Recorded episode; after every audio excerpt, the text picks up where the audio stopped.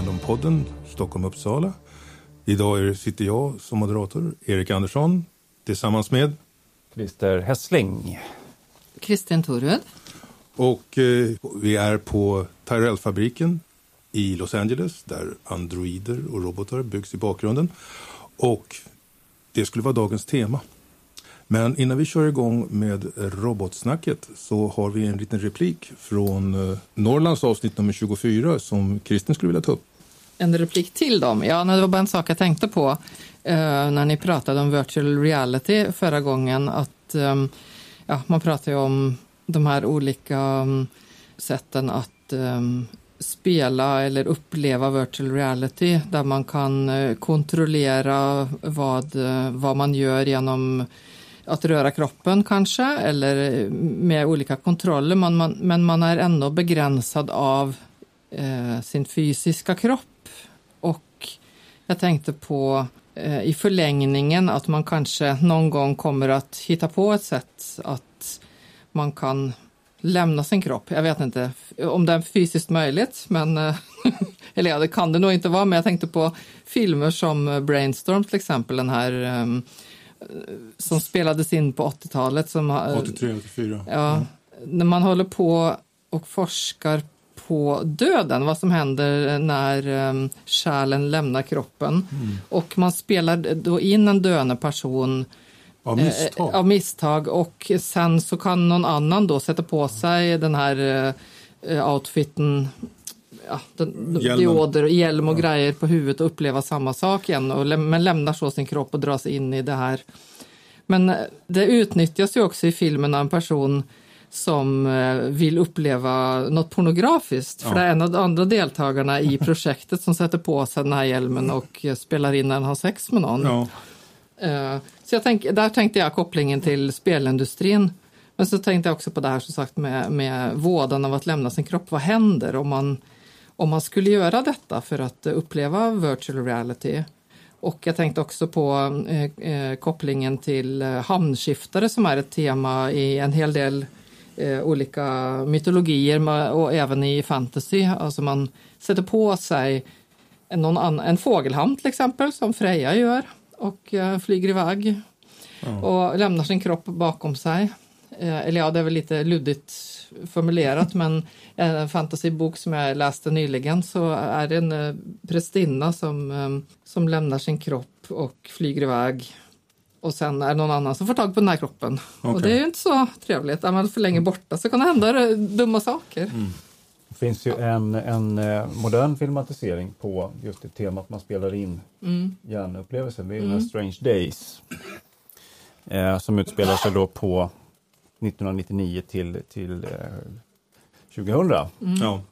Om det är en rip-off, jag vet inte det. Ja, du menar på Brainstorm då eller? Nej, nej, de, det var... nej, för här, det är lite mer, de säljer de här grejerna som knark. Ja. Men de spelar in mord, de spelar in sex och det är liksom här väldigt mycket kontraband. Ja. De här inspelningarna, för det är förbjudet. Precis. Eh, mycket bra film ändå, tycker jag. Ja. Men det känns som att spelindustrin driver fram en hel del eh, innovationer som, som även kanske läkemedelsindustri och andra, an, andra Ja. industrier kommer att ha nytta av. Alltså porrindustrin pratar man ju om också. Att de Ja, det är många som har nytta av den. Ja, ja, precis, precis. Men jag kan ta ett exempel som virtual reality kan hjälpa till och det är det att, eh, och det här låter helt absurt när jag fick höra det. Det finns människor som har varit handikappade men de skulle kunna gå men de har glömt bort hur man gör rent fysiskt. Men i en virtuell värld så skulle de kunna sätta på sig en hjälm och liksom, jaha, så här känns det att resa sig upp ur en stol och sen Du menar att du, du tvingar hjärnan in i banor som den har Precis. glömt hur den gör? Precis, och eh, för ibland så är det så att man, man, man har liksom haft gipset runt en arm under en lång, lång tid och sen tar man bort det gipset och efter ett tag så är det liksom Jaha, just det, jag, jag kan lyfta min armbåge och sådana saker och ibland så har man ingen muskelminne. Så där kan virtuell eh, ja, verklighet hjälpa till. Sa en person till mig, nu vet jag inte hur det ställer till idag men är det så så är det en höjdare. Ska vi gå in på dagens ämne? Det tycker jag. För sex år sedan så träffade jag en man som heter Christer Hessling som sitter mitt emot mig. Och när han sa att han byggde robotar, då var det liksom okej, nu lever jag i min barndoms framtid. För det här var någonting som jag, jag trodde aldrig jag skulle få träffa någon. Så, vad är en robot för dig? Oj, Oj, det, det, här är, det här är djupt. Robotar har varit ett väldigt fascinerande ämne för mig ända sedan jag var jätteliten. kan tänka mig. Ända sedan, eh, jag vet, jag kommer inte ihåg hur länge sedan, men kommer ni ihåg 70-talsikonen, allas våran Robert Karl-Oskar Broberg? Oh tack. och Pling, hans, pling, pling, hans pling plong show Ja. där han hade sin robot som bodde i garderoboteroben. Ni får höra ett litet, litet ljudklipp från det Ja. här. Vad är ni för, vad är ni för, vad är ni för någonting? Är det barn det här? Det är barn. Jag har sett barn för första gången. Är det barn? Ser barn ut som inte far, far, farliga va?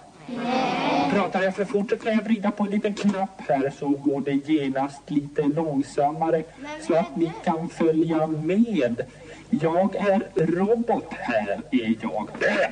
Och så där lät det på 70-talet i svensk television. Eh, och jag var jättefascinerad eftersom jag visste ju att det här är en konstgjord varelse Ja. som är byggd av en människa. Ja. Och bara den idén kittlade mig. Så jag var jättefascinerad. Jag ritade egna robotar på papper. Alltså jag var väldigt, tecknade väldigt mycket när jag var liten. Och då satt han där och fascinerades över de här mekaniska varelserna. Behövde inte alltid se ut som en människa. Det kunde vara en låda på två hjul. Och för mig är en robot inte nödvändigtvis en humanoid Nej. som liknar en människa.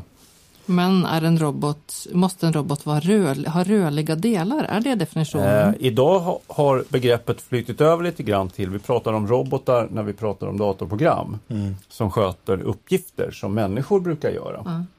Den distinktionen säger inte jag helt korrekt alltid. Nej. Eh, men visst, den måste inte vara mekanisk. För mig är den det. Ja, Eh, den kan vara en biologisk robot. precis. Eh, vi kan inte tillverka sådana speciellt bra ännu. Vi Nej. börjar bli bättre på att bygga mekaniska. Man har ju robotar inom krigsindustrin också. Absolut. Och det är ju, Eller man kallar det robotar. man men kallar det kanske för inte- robotar, men visst det är en maskin. Mm. De flyger oftast och när de landar så sprängs de. Ja, precis. Anledningen till att det är en robot är att den är på något sätt styrd. ja. Av oss. Ja. Eh, ordet robot kommer ju från, oj, Rur. Eh, eh, robota, slav. Ja. Från, jag har glömt bort vilket. slav Ett och slaviskt språk. arbetare. Ja. Ja. Ehm, och det är väl kanske därifrån det, det är att vi ser de här robotarna som arbetare som ska utföra våra Tråkiga uppgifter. tråkiga jobb. Mm. Det är väl mycket möjligt att det kommer bli så. Det är så idag. Våra industrirobotar. De kan bara göra det de är programmerade Ja. till att göra. Men de Ja. gör det jävligt bra. Precis. Ja, jag skulle inte vilja göra en robot som gör mina roliga uppgifter. Det skulle, det, Så du kan sova istället. då är det ingen robot Nej, det är längre. ingen robot längre. Kristin, din kärlek till robotar? eh, Om Jag du har har inget- någon. Speciellt förhållande till robotar så egentligen. Men samtidigt så skulle du gärna kanske vilja ha någon om de fanns i den utsträckningen som man... Ja, det är klart man skulle vilja ha en robot som gjorde de tråkiga delarna av livet. Eller liksom, ja, arbetsuppgifter och så. Vi pratade ju eh, lite så här förberedande innan vi drog igång här om att ehm, en del saker som vi idag tänker på som vad är skillnaden mellan en, en, en, ett, hus, en hushålls, ett hushållsapparat och en robot? Och kommer, ehm, kommer hus och lägenheter i framtiden ha alla de här tillbehören inbyggda i sig så de räknas som en fast del av, av ett hus. Att man, man kan inte, alltså det är som att tänka sig att toaletten inte skulle finnas. Liksom. Alltså att eh, kanske brödrost och, och, och dammsugare och strykjärnsroboten som Erik pratade om. Det kanske är en fast del, den är integrerad i boendet, en Ja. del av huset. Mm, jo, men det har man ju läst historier om att det finns inget kök. Nej. Nej, Utan- Det finns en mat... eh, Man bara ja. man säger till, till huset eller lägenheten eh, jag vill ha och sen talar man om vad man vill äta. Och sen kommer det bara serverat. Låter det Hur det tillverkas och var, det vet inte de här människorna någonting om. De bryr sig inte. Nej. Men man, kommer, man har ju då kommit lite till den framtiden som... eh, Är det Wells som har skrivit The Time Machine? Ja, Ja. Eh, Eloy som lever i framtiden när han åker långt, långt eh, fram i tiden. De har ju tappat all kontakt med, med det naturliga. De gör ingenting själv. Allting görs åt dem. De vet inte hur saker fungerar längre. nej. Är vi så då? kan Kommer bli. vi bli så? Det vet man Det inte. vet man inte. Det är det som är så fascinerande med, med just science fiction på den nivån. Att vi kan tänka oss Någonting. att går vi åt det här hållet så kan det faktiskt bli så. Att vi lämnar allt ansvar till våra maskiner så glömmer vi bort Precis. det själva. Eh, Och maskinerna är morlockerna då? ja, typ. bara äter oss på natten. Ja, jag hoppas jag inte det. Nej, för förra året så köpte jag en gräsklipparrobot. Och då tänkte jag att det här är något stort i mitt liv. nu har jag tagit det stora klivet. Jag kommer ihåg när mina föräldrar kom hem med mikrovågsugn. Det var liksom wow. Varpå Christer säger till mig. Det där är ingen robot. Det där är en maskin som går och studsar runt bland en koppartråd som du sätter upp. En robot. Och nu får Christer definiera det, för du gör det mycket bättre än jag. Ja. I, I min, min värld så måste en robot på ett helt annat sätt vara autonom. Eh, och den autonomin då kan ju vara då större eller mindre. En gräsklipparrobot har väldigt liten autonomi.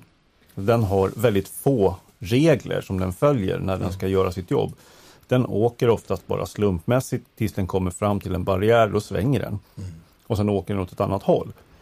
Tills den tycker att nu har jag antagligen klippt hela gräsmattan.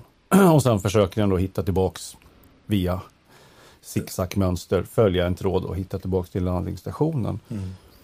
Eh, Jag vill gärna tänka mig en robot som lite mer intelligent. Och då finns det ju olika nivåer på intelligens. Det som ofta presenteras i sci-fi är ju eh, robotar med mänsklig Intelligens. intelligens eller likvärdig, alltså riktig artificiell intelligens. Eh, De robotar vi har idag är inte ens i närheten, Nej. utan de är automater i min värld. De första robotarna som man kommer ihåg att man, man såg på film är ju i Star Wars, i alla fall för min del. Och de är ju, där där är det ju lite skillnad. Den, Ja. den ena, den lilla roboten, den är väl lite som en femåring medan den stora Ah, det är säger väl jag inte, jag kan inte säga det. Han är nog riktigt jävla smart R2. Han är det. Eh, Men vi förstår inte vad han säger. Ah. Nej. Det är det, utan då måste vi ha översättaren då, CCPO emellan. Eh, Men det är som eh, senaste Star Wars, eh, riktiga Star Wars då med BB-8. Jättesöt, liten boll. Jag älskar den roboten. vi förstår inte heller vad han säger. Nej. Men han uttrycker känslor Okej. genom ljud och då måste man i min värld vara lite smart i alla fall. Precis. Så om jag återvänder till min gräsklipparrobot som jag fortfarande inte äger. när skulle du kalla den för en robot? Vi var ju inne på det här med, med köks eh, appliances eller hushållsappliances. För mig så är en gräsklipparrobot en gräsklippar-appliance. Ja. Den ska bara klippa gräs. Ja. Den ska inte läsa dikter för dig. Nej, nej, nej. Den ska om- inte hämta din post, den ska inte rosta ditt bröd Nej. och den ska absolut inte läs, lösa din sons läxor. Nej. Så du menar om en, en robot har fler funktioner då? Det är mer en riktig robot om den kan göra mer än en sak? Ja, eh, ma- jag vill gärna dra definitionen där någonstans. Kan en maskin göra fler än en sak och Okej. vara dynamisk utan att man måste programmera om den efter varje gång? Okej. Att den kan Då är det mer beslut. en robot för mig. Ja. Så när min gräsklipparrobot vet att ah, nu ska inte jag klippa gräs, nu ska jag kantklippa. Åh, det här är en maskros, den ska jag rycka bort. Åh, det här gräset är mycket mer exklusivt, det ska vi ge fan i. Då har vi har fått en Då robot. börjar det närma sig. Okej. Eh, det finns säkert jättemånga där ute som inte håller med mig om det här. Nej, nej. nej Men i min värld så är en robot är mer autonom ju intelligentare den blir. För då kan den Precis. göra väldigt många fler olika saker. Vad bygger du för robotar, Christer? Eh, Det har jag aldrig hört. jag bygger tävlingssmå, vi kallar dem för sumo-robotar. Och det är ju egentligen bara små, små maskiner som ska, de har egentligen bara en enda uppgift, så de är, inte- de är inte smarta. De är väldigt, de ska vara smarta på det de, det de ska göra. De ska hitta sin motståndare och de ska knuffa ut dem ur tävlingsringen. Som en sumobrottare. Men så fort man har startat matchen, då får inte någon mänsklig interaktion vara med. Utan då får man bara titta på och hoppas att jag har programmerat den så smart jag bara kan. Och därav att de har en viss mån av autonomitet. Ja, precis. De är inte smarta. Det kallas för robotar. Men vilket Också. sammanhang används de här då? Tävling. Tävling. Men jag har aldrig hört om det förut. Nej. Inte här i Sverige alltså? Jo då. Ja, den finns. Robot-SM är här nu i maj, tror jag. Nere i, eh, Shit. nere i Göteborg. igen! Ja. Det kallas för robot-SM. Det är indelat i många klasser. Det är inte bara de här sumorobotarna. För de är eh, uppdelade också i klasser från de allra minsta till lite större. Och sen finns det linjeföljarklasser där det är robotar då som ska åka efter en bana. Den ska följa en, teck- en svart linje på marken så fort som möjligt. Det finns eh, eh, ja, det finns till och med en klass för Lego-robotar. Så att det finns... Och detta hålls någonstans i Stockholm? Det är? Göteborg Göteborg, den jaha. här gången. Hopp, Eh, det finns- Varför händer allt roligt i Göteborg? Det Det, eh, det brukar köras eh, ett, eh, ett event i Stockholm också på Tekniska museet. Har någonting att se I samband där. med Maker Faire eller? Mm, det, de hänger nog lite grann ihop faktiskt. Vi får se. Jag, har- Jag är medlem, eh, inte så aktiv längre som jag var förut, men i Stockholm, Stockholm Robotförening. Googla på det. Men det är inga robotar som är med i Stockholms robotförening utan det är bara människor. Det är bara människor jag. som gillar att Det är dels, dels det, det mekaniska, för det är roligt då, att bygga. Och det är roligt med elektronik och det är roligt att ladda med sladdar. Och sen är det roligt att programmera dem så att de ska bli så smarta som möjligt. Så är det. Då ska jag återvända till roboteriet. Vilken pryl tror du jag kommer köpa som är mer robot för dig? Eller har jag redan köpt den fast nu heter den dator? Eller eh, vad skulle det kunna vara? Jag tror nog att eh, det där kommer nog krypa in i eh, begreppet då appliance. Ja, Du har ju redan börjat sniffa då på, på gräsklipparvarianten där. Snart kommer vi ha, eh, det finns ju någonting som kallas för Internet of Things. oh, Saker och ting blir mer och mer uppkopplade. ja, Eh, de pratar inte bara med internet utan med varandra ja, och med tjänster. okej. Så att din brödrost kommer inte vara smart. Men den pratar med en tjänst Den på internet. styrs av någonting. Är Den, har, den prenumererar på en, en kognitiv tjänst, Ja, en kognitiv IT-tjänst som ligger ute på nätet, i molnet som det så fint heter. Eh, vi har IBMs Watson, den datorn som vann Jeopardy. Du kan köpa datorkraft av den idag okej. och få en analytisk förmåga. Den kan läsa, den kan förstå, den kan analysera ostrukturerad data. Du kan skicka in hur mycket data som helst till den och prenumerera på att den analyserar det och skickar tillbaka svar. Ja, det ju kul. Din brödrost kan göra det. Okej. Om du bara, var, varför den nu ska göra det. Men jag kan... bara tanken, om du, du kan ha den här tjänsten i din TV. Ja, Den kan läsa igenom eh, alltså, talförståelse idag. Alltså, Google har ju motsvarande grejer på gång, deras deep learning och sånt där. Den kan sitta och lyssna på film åt dig precis. och analysera filmen. Den här kommer du gilla. Ja, det, det låter löjligt just nu, men jag kan tänka mig att om jag hade en intelligent brödrost så skulle den kunna säga mig, nu är det augusti, snart kommer Jerka att behöva ha en kräftskiva och han kommer glömma att köpa formbröd, som vanligt. Så Watson, nästa augusti kan du påminna Jerka när han står i ICA-butiken att Att, Precis nu vet jag inte, grejer. Nu vet inte jag vad Toasted the Toaster skulle heta. Han heter Toasted the Toaster. Vad han skulle eh, göra. Men, men efter ett tag så skulle jag kanske veta, ha en sån som att eh, jag skulle kanske uppskatta att min brödrost snackar med eh, Toastmastern. Toastmaster. Ja, bra namn. Eh, eller att eh, Förresten så tror jag att brödrosten om ett par år kommer ju att vara lite mer. Den kommer vara en kombinerad våffelmaskin, muffin maker och eh, brödrost. Mm. kommer vara en vacker sak. Brödma- bakmaskin. Bakmaskin, allting sånt där. Men likväl så skulle den behöva prenumerera på fel, fler tjänster då, för då måste den, man måste ju mata den med mjöl och socker, jäst med mera sånt där saker. Så att eh, jag kan tänka mig mycket väl att min, Ja, men då har vi den här ICA-Stig-roboten som, som å- åker runt och levererar. ja, Jag ska tala om vilken robot jag önskar mig mest. Inte bara för mig själv, men för, eh, för samhället i stort faktiskt. En medicinsk robot. När tror vi att något sånt kan bli verklighet? En, en robotdoktor som kan analysera dig objektivt, samla all, eh, all data om olika eh, krämpor du har, även innan du själv märker att du har någon sjukdom på gång och analysera dig och ge dig en diagnos. När får vi detta? Problemet med det är väl analysmetoderna då, för de är fortfarande sensorer och analysmetoder är fortfarande ganska komplicerade och dyra. Så att det är inte bara att du har en maskin som tittar på det, oj du ser lite krasslig ut. Den måste vara, kunna ta blodprov på dig, Röntga, analysera blodprov, eh, Ultraljud. ultraljud, röntgning, alla sådana där saker. Det är svårt att ha en maskin hemma som kan göra allt det Nej, där. inte hemma kanske, men man, någon enklare grej hemma. Ja, det finns ju sådana som kan analysera urin och blod. Men tänk om din toalett talar om för dig så här. det finns redan. Det finns? Jajamän, Toto-toaletten. Dyraste toaletten i, i Japan just nu. Den kostar närmare, jag vet inte om det är 700 000 eller om det är Åh, 70 000. herregud. Den tar avföringsprover varje gång du går på toaletten och skickar det till läkaren.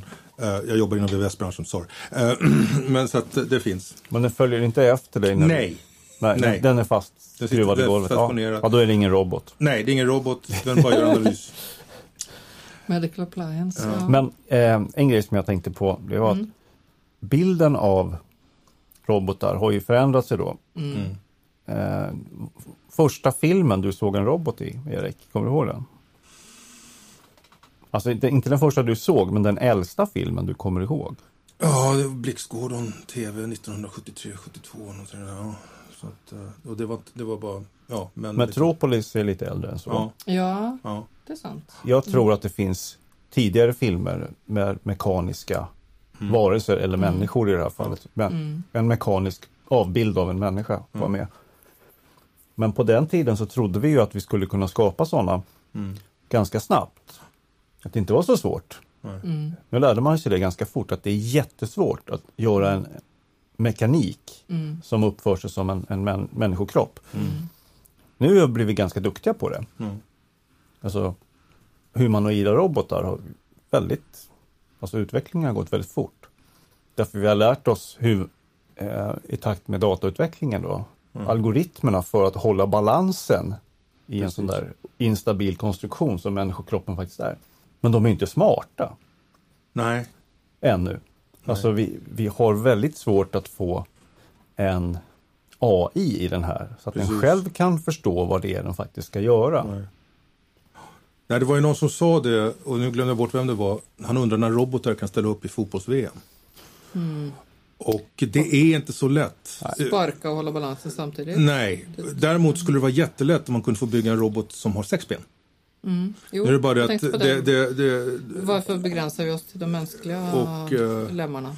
precis. Ja, det vet jag därför att våran värld är byggd för oss. Mm. Vi, alltså vi har designat allting omkring oss för våra egna kroppar och då är det, ska vi ha en maskin i det här fallet som ska interagera med oss i våran miljö, då är det enklare att bygga en maskin som kan göra det vi kan. Å andra sidan Istället för så, att göra en maskin som bygga om allting för att den ska kunna fungera. Och det är att det är anpassat för, eh, för våra kroppar, det märker vi och vilka begränsningar det blir för folk Oh ja. som är funktionshindrade. Det är Men vi går ju mot ett, ett mer tillgängligt samhälle där man skulle, ska kunna ta sig med Mm. rullstolar och, och permobiler överallt och man inte ska begränsas av att man kanske inte har två armar och två ben. Jättesmart. Det är absolut. Då tycker jag att vi ska införa en lag som säger att en robot får inte ha två ben. Den ska ha hjul. Ja. Så då måste de bygga rullstolsramper precis överallt. då måste allting vara tillgängligt för även rullstolsbundna till exempel. Smart thinking. Och Ja. annorlunda. Det kommer inte bli så, men okej. Nej, för vi har ju jag vet inte, oh, tusentals år av byggnader som är, inte är handikappanpassade. Så att eh, det, vi får tänka om. Men allt liksom nytt skulle kunna vara. Men eh, hur, vad tycker ni då? Vad går gränsen mellan en eh, robot och en android? Vi pratade lite om det innan. Robotar, cyborger och androider. Hur, hur skiljer vi? Framförallt robotar och androider kanske? Det är en distinktionsfråga som är, den är lite svårare. Ja. Eh, cyborg, robot. En cyborg ska då innehålla mänskliga delar. Ja. eh, av mer eller mindre stora Mm. delar. Det är någon som säger att jag är världens första cyborg. Då har de monterat in ett chip i Ja. sig. Mm. Jag skrattar bara och säger Mm. nej. Nej, det är, Eh, då är de som har du är Byter inte- man ut... eh, Har du skruvar i skelettet så Ja. är du inte en cyborg. Nej, Nej. Men har du däremot, måste jag säga, de som har pacemaker. Okej, Ja, då börjar nu det börjar gå- vi prata. Eller mekaniska armar. då. Ja, ja, men då börjar man närma sig det Ja. som man traditionellt sett betecknar som cyborg. Mm. Men hur långt kan man dra det? Ja. Hur lite människa får det vara kvar Ja. innan det bara blir en robot? Mm. Ja, där. Eh, vi kollar Robocop till exempel. Han hade inte speciellt mycket människa i sig. Nej. Han hade si- sin egen hjärna Ja. eh, och lite andra organ. That's Men it. i stort sett resten var robot. Tror vi att robotindustrin skulle kunna vara känt av att använda mänskliga delar? Alltså ka- kan man få det att funka? Nej, nej. Jag tror eh, när de hittar något sorts sätt att interfacea den mänskliga hjärnan med eh, datorer, Mm. då kan det vara in- smart Mm. att på något sätt ha en mänsklig hjärna med i ett sånt här system. Eller snarare tvärtom, att ha elektronik med i det mänskliga systemet. Men vi har ju absolut ingen nytta av att ha en robot som har ett, ett mänskligt ben till exempel. Nej. Jag Bara. bara, nej, skulle jag gå. Eller två mänskliga ben. det, det låter bortkastat. Precis. Däremot vill jag ju att de ska utveckla de här sakerna åt andra hållet. Vi ska kunna ersätta mänskliga delar Mm. med proteser, då kallar vi det ju för idag. Men Jo. Och det ser jag fram emot. Tror vi att... And, ja, förlåt, nu avbröt jag dig. Nej. Androider däremot är ju, i alla fall i min begreppsvärld, biologiska robotar. Mm. Mm. Går Man åt. kan alltså tillverka eh, robotar av biologiskt material Mm. med syntetiska muskler, syntetiska organ, syntetiska vad det nu är för någonting, som inte är eh, skruvar, muttrar, koppartrådar. Nej. Som är serien Äkta människor som gick på svensk TV. Ja. Ja, lite så. Och eh, vi tittar på, eh, ja, vi var inne på Blade Runner här Mm. förut. Mm.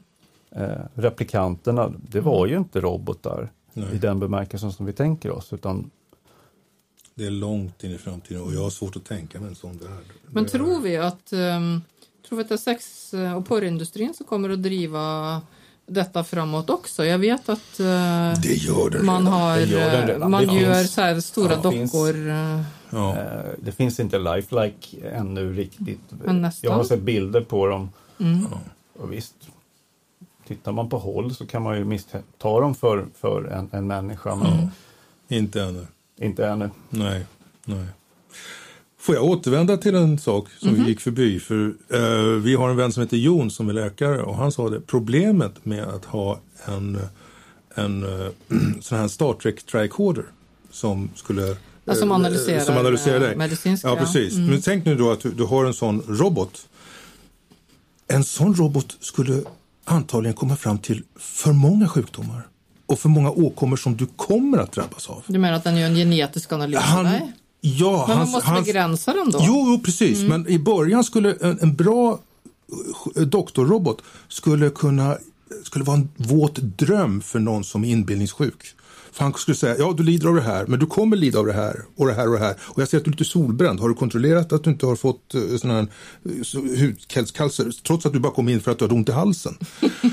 Så att, eh, som du sa, man, man, måste komma med en begränsning mm. till en. Nu sa han att det här var långt in i framtiden. Mm. Men, hans, eh, men eh, när han sa det så tänkte jag, hmm, i framtiden kanske inte jag vill ha en mänsklig läkare. Nej. För att, uh, uh, för det märker man ju nu när man går till läkare, då liksom stiger man för dörren och så har ont i stortån. Så säger, Jaha, men du är ju man. Jag är specialist på de som är kvinnor över 40 som har ont i stortån. Så du måste gå till någon annan snubbe som är, mm. och de blir ju mer och mer specialiserade, vilket är bra. Men efter ett tag så blir man lite trött när man blir, får remiss nummer tre till en läkare. Men en, en robotläkare skulle kunna klara av det galant. Samt ge det en massa andra åkommor. Ja. Mm. Inte ge dig dem, men se dem. Se dem, ja precis. Sen så, så är frågan, vill du veta? Ja, det är nästa, fråga. nästa fråga. Men eh, namnet robot, vi pratade om, eh, om dess språkliga ursprung, men vem använde namnet första gången? Det var inte Asimov, Nej. men det var han som skrev rob robot Ja, vi kan slå upp det här men vi har lovat ja. varandra att inte vi ska hålla på och jag tänkte skriva. Kanske visste det. Ja, jag vet var, var det kommer ifrån. Jag vet mm. till och med vad bo boken heter. Eh, den heter Rur någonting. Mm Och det var så löjligt för uh, det var nämligen så att när den här boken kom ut så var det nästan skrivet att alla robotar som fanns skulle ha RUR på bröstet. Det, det, var så, är det en mekanisk varelse så var det någonting med RUR, någonting sånt där. Och eh, egentligen skulle jag göra ett klipp här och sen skulle vi återkomma med en kort för var det här kommer ifrån. Folk får googla. Folk får googla, när jag kommer ihåg var det, var det kommer ifrån. Uh, och, men då betydde det slav. Mm. Och uh, idag kanske man skulle säga tjänare. Mm. Ja. Ja, vi kanske inte ska gå in på Nej eh, AI-diskussionen här, för då, då, då, kan vi sitta och prata i veckor om när vi lägger mer och mer intelligens i våra datorer. Mm. Eh, vad det kommer härleda till. Eh, även om man då tänker sig bara en dator som står på, på ett skrivbord mm. eller i en datorhall. Mm. När man sätter den på ben sen och den får gå omkring och mm. göra vad den själv vill. Mm. Eh, det är väl kanske den diskussionen som vi har varit inne på i väldigt många sci-fi-böcker. Vi tänker oss då, vi pratar lite Asimov. Mm. Han hittade ju på de här tre lagarna som då lite överförenklat mm. skulle kunna ta hand om problemet med en, en, maskin som då inte... Den måste vara säker mm. ute i... Den måste klara det som är fint, det som jag jobbar med lite grann idag. Eh, våra maskiner måste klara maskindirektivet. Eh, förenklat kan vi säga att de får inte vara farliga för människor. Mm. Eh, man måste ta hänsyn till ungefär allting som kan hända. Mm. Asimov förenklade det där väldigt mycket och gjorde de här tre lagarna. Som förföljer oss än idag? Ja, det gör ju det. Och han, ja. Sen hittar han ju på den fjärde lagen, eller den första nollte lagen då i senare böcker den har jag inte läst. Har du inte gjort det? Nej, vad heter den? Eh, jag kommer faktiskt inte ihåg böckerna i kronologisk ordning. Men... Nej, men inte boken, men vad, vad, hur lyder den nollte lagen? Eh, den nollte lagen var ju att eh, en robot får inte skada mänskligheten. Ah. Wow! Inte bara människa, för det är en individ. Okay. Utan nu måste han ta hänsyn till mänskligheten som en, som en, som en grupp. Precis. Och då kunna offra individer för att rädda gruppen så att säga. Eh, och det, då kommer vi in på AI-diskussionen här. Hur programmerar man in ett säkerhetssystem så att en superintelligent AI inte mm. får helt egna idéer? Om, Oj då, vi glömde tala om för den att vi inte ville att den skulle göra det på det här sättet. Nej, precis. Och det där verkar kanske lite löjligt att man, man skulle behöva en sån lag i dagens. För man har ju haft det där som science fiction bra länge. Men nu är det så att i Nevada så finns det bilar som inte har en förare. Mm. Och, det finns nästan lite överallt Och vi börjar med det i Sverige nu också. I Göteborg körs de ja. ja. Är det en robot? Förarlösa bilar. Jag vill nästan kalla det för en robot. Mm. Eh, Faktiskt. Ja. För Den, de börjar bli så pass smarta nu så att de kan de kan inte bara lyfta en sak från ett ställe till en annan Nej. och tillbaks. Utan de har så pass komplicerade regelsystem för vad den måste klara av.